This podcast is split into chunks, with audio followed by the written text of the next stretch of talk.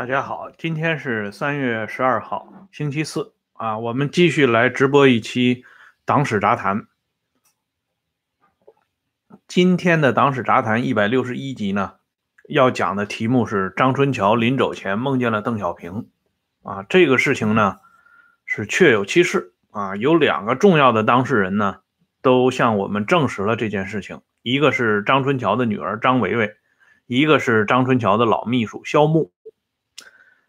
按说呢，这个邓小平和张春桥他们两个人之间可以说是矛盾重重啊，水火不容。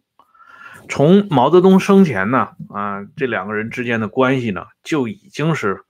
啊非常的紧张啊，以至于呢连毛泽东都不得不出面呢，对他们之间的关系进行调解。啊，以前呢我一直强调一个观点，就是说对手啊。政治上的这个对手，其实往往更是知音啊，就是说，正因为两个人是死对头，可能呢互相把对方的脾性都摸得很透。这个观点放在邓小平和张春桥身上呢，也同样适用。张春桥多年以后啊，曾经和他的女儿张维维之间呢有过一番对话，就是。讲他和邓小平之间的这个关系，那个时候呢，张春桥已经保外就医，搬到了江苏省江阴市居住。应该说呢，啊，减少了一些啊这个羁绊，所以呢，对子女之间的这个谈话比以前啊这个氛围要宽松。所以他说了一些啊以前在。那这个羁押期间通信过程中不能讲的话，而且呢，我们正是通过这些话，也能够了解到张春桥视角下的邓小平。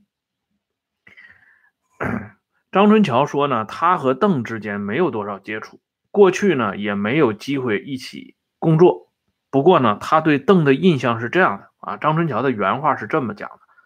他说邓小平是真有才干，脑子清楚。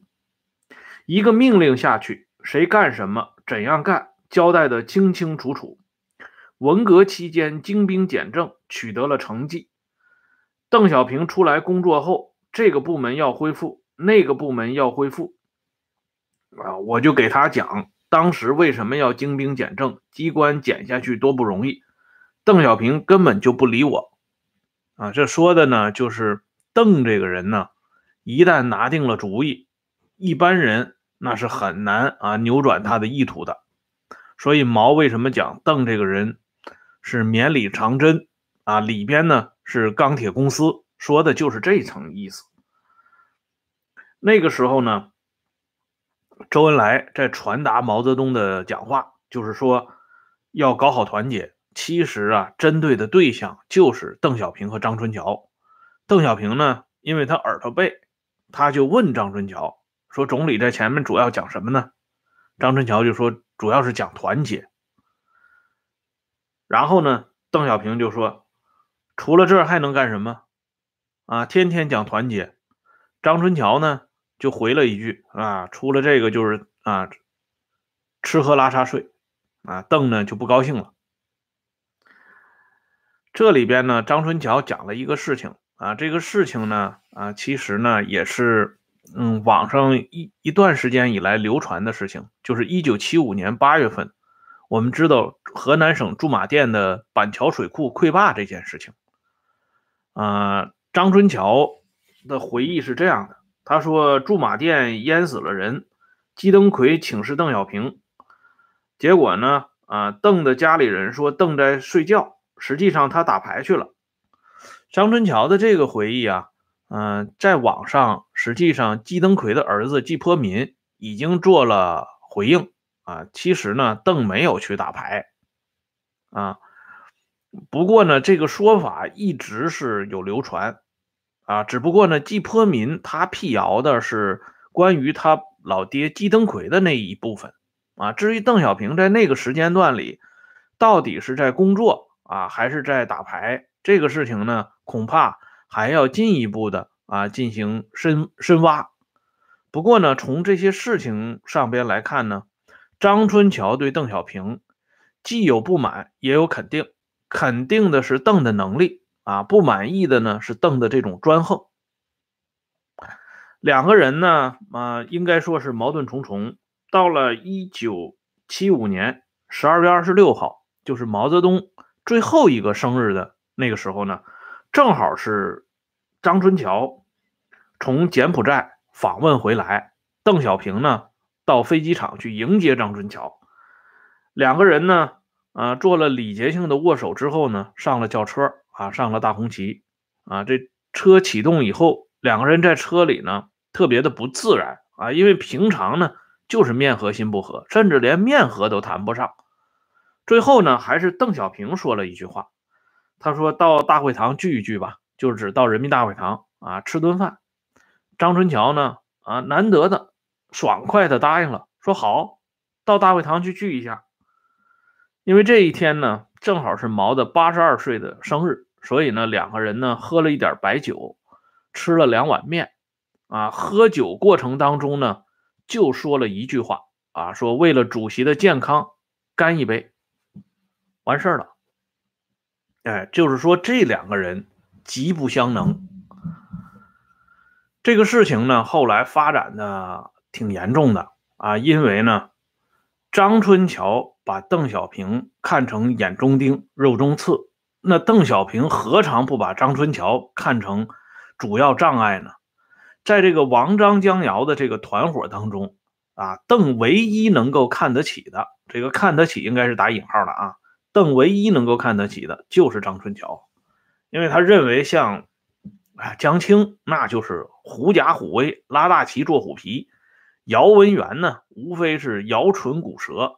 王洪文就是一个流氓地赖啊，根本不起作用。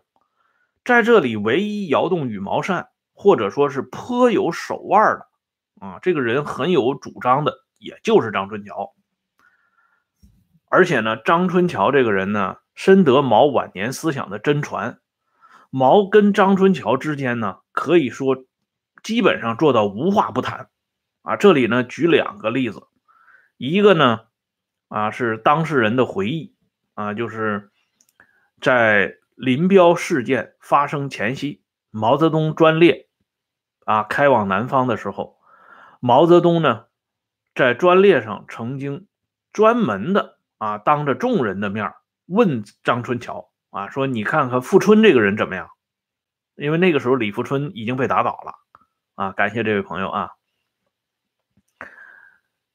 大家想一想，李富春跟毛泽东多少年的关系啊？毛难道不了解李富春吗？啊，可是呢，他却要问张春桥的意见啊，这是一条。还有一条呢，是原来啊，张春桥身边的重要亲信，就是大家熟知的那个螺丝顶啊，上海市委写作班子徐景贤为首的啊，那个。张春桥在上海的重要的啊骨干团体当中的另外一个重要人物叫王之常，后来担任上海市革命委员会常务委员。这王之常呢，曾经说过这么一段话，他说呀：“你们这些人啊，研究了多少年的党史啊，还不如我这几十天里边知道的多。我跟春桥同志一起读《毛选》的那些天，是我一生中受益最大的。”这个事情呢，指的是1969年夏天，张春桥以学习和注释《毛泽东选集》第五卷未定稿为名，花了大约一个月啊的时间呢，把朱永嘉、萧木、王之常这些人接到他的住所，大家呢在一起围炉夜话，讲解中共党史，点评所有的啊，包括毛泽东在内的所有的党内高层领导人。所以这一个多月的谈话呢，王之常他是深陷其中，因此最后他就是有感而发，他说：“你这个啊，听了春桥的这些话，党史基本上就不用学了。”而张春桥只不过是一个啊，撑死是一个三八式干部啊，是抗日战争期间参加革命的，他对中共党史的了解其实是非常有限的。因为他进到中共这个阵营里边，也不是进到核心层，只不过是在中下层摸爬滚打。即便是后来他做了柯庆施的秘书，那已经是上个世纪五十年代的事情了啊。中共高层的那些缠斗啊，可以追溯到上个世纪二十年代啊。张春桥怎么能知道呢？那不可能啊。那张春桥为什么能够啊随意的张痞这些党内高级的领导人，以至于让王之常佩服的五体投地呢？那还不就是因为毛泽东跟张春桥之间的论述吗？啊，当年上海滩有一个著名的扫雷纵队啊，那个头子呢叫尤雪涛，是张春桥一手提携的这么一个知识分子。尤雪涛后来曾经回忆啊，他说有一次呢，张春桥交给他一个名单啊，是让他负责收集朱德、贺龙、陈毅等人在上海方面的情报和材料。所以当时尤雪涛感到很吃惊啊，他说：“这都是啊，因为尤雪涛他们这代人从小也都是听惯了朱德这些人，在他心目中那是老一辈无产阶级革命家，那是总司令啊，这样的人材料也要收集吗？”啊，张春桥就不屑一顾地告诉尤雪涛，他们都不是什么好东西，在历史上他们都有欠账啊，都是反对主席的。啊，就这么一句话，把这尤雪涛吓得差点啊摔了一个跟头。所以说呢，张春桥在毛泽东面前是如何得宠，从这几个小故事里边也能看到。正是因为这样的关系呢，毛泽东当时呢，因为他已经是老迈年高了啊，即将不久于人世。这种人呢，啊，死前呢，虽然牢牢的抓住权柄不放。但是另外一方面呢，他也非常担心，在他身后会出现一场血雨腥风的这个政治厮杀，而且呢，他因为老迈年高，很多事情呢也是力不能及了。于是呢，毛破天荒的采取啊和稀泥的办法，把邓小平和张春桥找到啊自己的跟前。当时在场的呢还有张玉凤，就他们四个人。啊，进行了一场别开生面的聊天毛泽东呢是完全的啊，抛开现实中的这些政治话题，而是呢讲了历史上两个政治人物，一个呢是宋朝主张改革变法的王安石，另一个呢是王安石的对头司马光。毛泽东呢向邓小平和张春桥两个人啊自说自话的在讲解司马光和王安石的故事。毛呢就讲，司马光和王安石这两个人，他们两个人在政治上确实是对头，啊，主张不同，呃，意见不同，甚至呢到了啊剑拔弩张的地步。可是呢，私下里这两个人私交很好，甚至到后来司马光推翻了王安石的那些主张，可是呢也没有否认。啊，王安石在文学上的造诣也没有否认他和王安石过从甚密的这层关系。毛这个话呢，其实是意有所指，特别是他讲司马光，在当时啊，啊张春桥的手下的重要亲信朱永嘉曾经说过这样一番话，他是这么讲的：他同上海的市委啊写作班子说过这么一番话。当时的背景呢，是一九七五年邓小平主持中央和国务院日常工作以后啊，朱永嘉说的原话是这么讲的，他说：“只要把司马光的事情说的透一点，别人自然会把他联想到邓小平身上去。”可见呢，司马光在那个时候就是邓小平的代名词。毛泽东说司马光和王安石啊，这个。意义呢非常明确啊，就是要调解啊邓和张春桥之间的这个矛盾啊，只不过呢是用古人的这种方式呢啊来讲。这个时候呢啊，张玉凤呢就问毛泽东说：“那你现在的对手在哪里呢？”因为毛泽东是呃当时说呃司马光和王安石两个人是对手。啊，结果呢？张玉凤就插了一句啊，这也能看出张玉凤的力度啊。因为一般人在老大说话的时候，谁敢轻易插嘴啊？啊，尤其面对的都是这种重量级人物，但是张玉凤就敢啊。张玉凤就说：“主席，你现在的对手在哪里？”啊，毛泽东呢就说了一句：“毛泽东说，你有时就是我的对手啊，你非要让我吃药，我不吃，你不就成了我的对手了吗？”毛这个时候呢，其实是罔顾左右而言他，啊，把该说的话呢都说了。可是呢，邓小平和张春桥两个人依然如故啊，明里呢不掐了，暗地里掐的更厉害了。特别是周恩来啊，撒手去了以后，啊，连一个顾忌都没有了。这样呢，在一九七六年啊，这个四五运动过程当中呢，邓小平和张春桥两个人的矛盾就彻底的爆发了。这里呢，啊，有一个重要的呃原始材料，就是。张春桥的儿子啊，提供的就是张春桥呢，当时给他的儿子写的一封信啊，这封信里边呢，就是完完整整的讲述了他和邓小平两个人之间矛盾爆发之后发生的事情啊。张春桥是这么写的，他说：“四月五号，我到大会堂，如同亲眼看到匈牙利事件一样。”当着邓小平的面，我骂了他是纳吉，他态度恶劣，但没有说话，只能点头。我有幸看到这个纳吉的丑恶末日，出了一口气。（括号这一段别人不知道，你也不要吹出去。）（括号完了。）落款呢是爸爸啊，时间呢是一九七六年四月十八号啊，这是父子之间的通信，应该说呢，这是。比较准确的啊，这是一个方面。另一个方面呢，是张春桥的秘书肖木的回忆。这个肖木呢，是说给刚才我提到的那个上海市革命委员会常务委员王之常，他们两个人之间呢，啊，有过一个秘密的交流。肖木呢，就把他的主子张春桥，在一九七六年九月十八号啊，就是毛泽东死后。第十天的时候，他们那个主仆之间的一个谈话透露给王之常，后来王之常呢被抓捕归案，王之常就把这个事情呢啊向这个中央两岸审查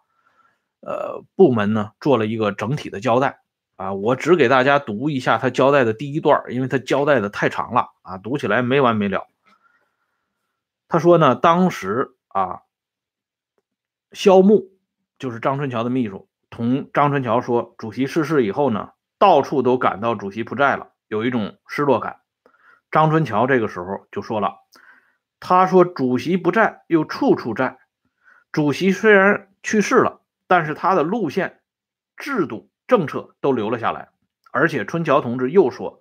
主席的身体就是被邓小平搞垮的。邓小平欺骗主席，大搞翻案，被主席察觉。只好带病领导和发动了反击右倾翻案风的斗争，硬是把身体累垮了。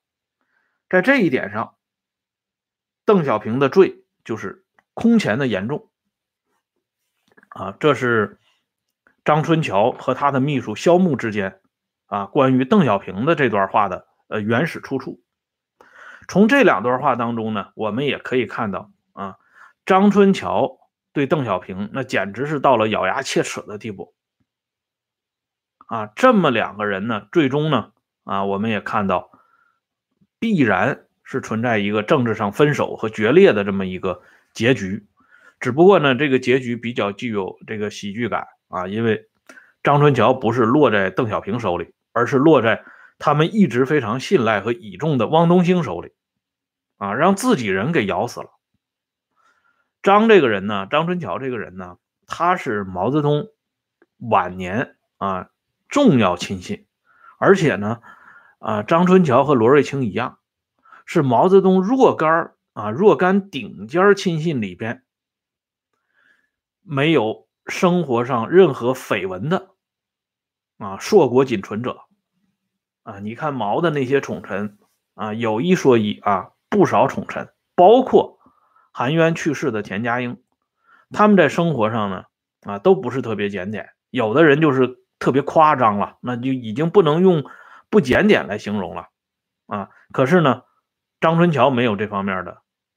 传闻，因为张后来已经是被彻底批臭了，以至于判死刑啊，死缓。所以他如果在生活上有这些啊沾花惹草的事情，那早就给翻出来了，那不可能啊，到今天都是啊纹丝不动的。这就说明呢，张在这方面完全没有啊。张春桥用的工作人员都是沿袭柯庆施的老规矩啊。柯庆施到了上海以后，要求一律不准用女秘书啊，防止这种啊泄露事件发生，一律都要用男秘书。这样呢，张春桥的这几任秘书何秀文呢、肖木啊，都是男性。哎。张春桥晚年呢，确实也找徐景贤啊，委托他帮他去寻一个这个啊伴侣，但是事情呢没有办成，张春桥就被抓起来了啊。所以张春桥这个人在生活上那是无可记忆之处啊，在这一点上呢，他比邓小平要强。但是呢，张春桥在政治上远不如邓成熟啊。虽然这个人啊啊也是号称呃非常有城府啊，进气内敛，可是呢。他对政治上的一些啊细枝末节呢，没有做到见微知著，在这一点上，他远不如邓老辣，那就更比不上周恩来了。啊，张春桥被抓起来，呃，一直到被判刑之后呢，到了上个世纪九十年代啊中期的时候，那个时候有所松动啊，因为呢，又是一批从上海成长起来的干部入主中央。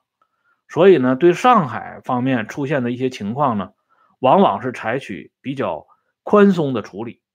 轮到张春桥呢，当时就有人给最高层递话，希望呢尽可能的把张春桥放出来，用保外的形式给他保出来。但是呢，上边回复的啊话是这样讲的，他说小平同志还在，啊张春桥的事情呢不宜讨论。于是呢，张春桥保外这个事情呢就被压后了。一直到了一九九八年一月份，张春桥才办理了保外就医的，呃，这个手续。换句话说呢，这就应了一直以来的一个传闻，就是邓小平有过一个不成文的指示，就是说，像江青、张春桥这种罪大恶极的人物，那是一直要关着的，啊，所以呢，他们一直是关到邓小平死之前。江青呢是没挺住啊，自己就挂了。张春桥呢一直是挺着，挺到了邓去世以后才放了出来。放出来以后的张春桥呢啊，仍然非常关注这个国家大事啊，向自己的子女啊和自己以前的老秘书呢，讲述了一些自己以前亲身经历的事情。晚年的张春桥呢仍然非常执着，他最大的。啊，愿望呢就是写一本真正的毛泽东传，啊，这个呢，哎，最后也没有完成。到了二零零五年一月二十七号这一天，啊，也就是说啊，距离张春桥去世前八十四天，啊，不到三个整月的时候，张春桥呢做了一个梦。这个时候的张春桥呢，实际上已经是重病缠身了，啊，已经诊断出绝症，到了晚期。所以呢，他经常昏迷，啊，有时候呢不省人事。可是就在这个时候呢，张春桥做了一个梦，啊，这个梦呢是非常清楚的，啊，他跟他的女儿，呃，张维维和他的秘书，啊，肖木，都讲过这个。他说呢，他说他是梦见久违了的大海。啊，因为张春桥当时醒来的时候呢，是微笑面对面带微笑醒来的，他不是那种啊精神萎靡，反而呢是精神头十足，所以呢，这让当时啊看护张春桥的几个人呢感到有点惊讶。张春桥这个人呢，啊对大海比较痴迷啊，他呢在少年时代啊写过一篇叫《海的渴慕》的文章啊，这文章当中呢啊他说过，他说我渴慕。看到大海，更渴慕在他的胸膛上预言暴风雨来临的海燕的生活啊！这可能也是受到高尔基的那个影响。然后呢，张春桥就讲，他说呢，这个海浪呢，啊，翻来覆去的啊，滚来滚去，结果呢，从浪涛当中呢，跳出来一个人，啊，不是别人，就是邓小平。邓小平啊，一边走一边跟张春桥说：“说现在我没有地方去啊，我去找主席呢，主席也不见我啊。主席说咱们之间还有什么好说的呢？他说我又去见总理，总理说我们也是不见为宜呀。历史上你骂过我，我也骂过你啊。现在呢，我们也没什么好说的啊。几十年了，斗来斗去就是这么个情况，也不必再见面了。再再见面也是。”徒增啊伤感啊，于是呢，邓小平就说说，所以啊，我来找你啊，春桥，因为你是主席啊最喜欢、最信赖的，主席最听你的话，你就帮我到主席那里去说一声啊，让我去见一次主席吧。如果见不上主席，怎么能去见马克思呢？张春桥呢就回答说，主席还没让他去啊，就是没让他张春桥去。那他也不能自己随便就去，既然没去，他怎么能见到主席呢？怎么能在主席面前替你说上话呢？这段话呢是完完整整的啊，出现在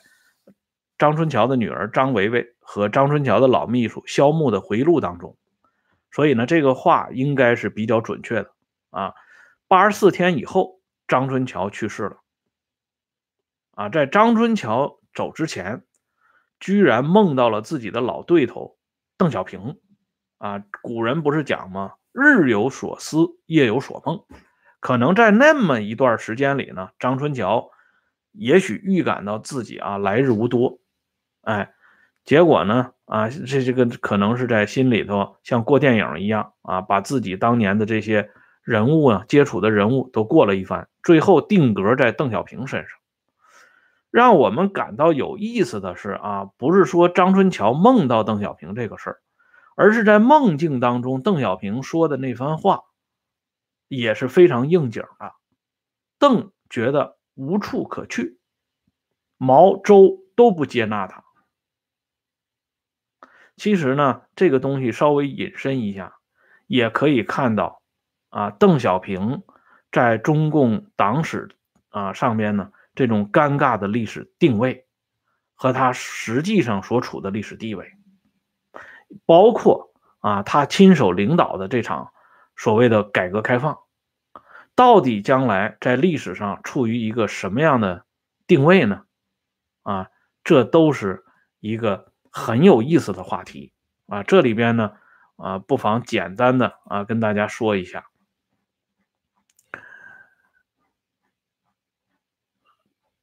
胡绳啊，不知道大家知不知道这么一个啊很有名气的党内培养起来的大牌的知识分子胡绳啊。胡绳呢，他在论述从五四运动到人民共和国的成立啊，他有这么一本书啊。之后呢，出版以后呢，胡绳在一九九八年到啊一九九五年到一九九八年这三年当中呢。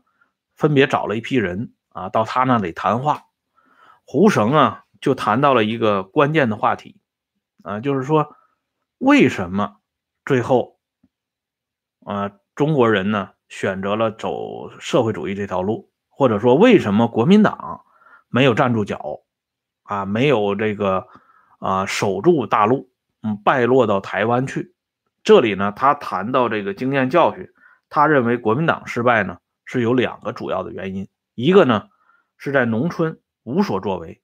啊，以至于呢农民呢丧失了这个土地，丧失了生产资料，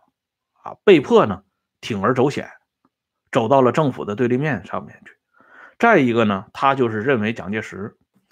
蒋介石没有真正的发展资本主义，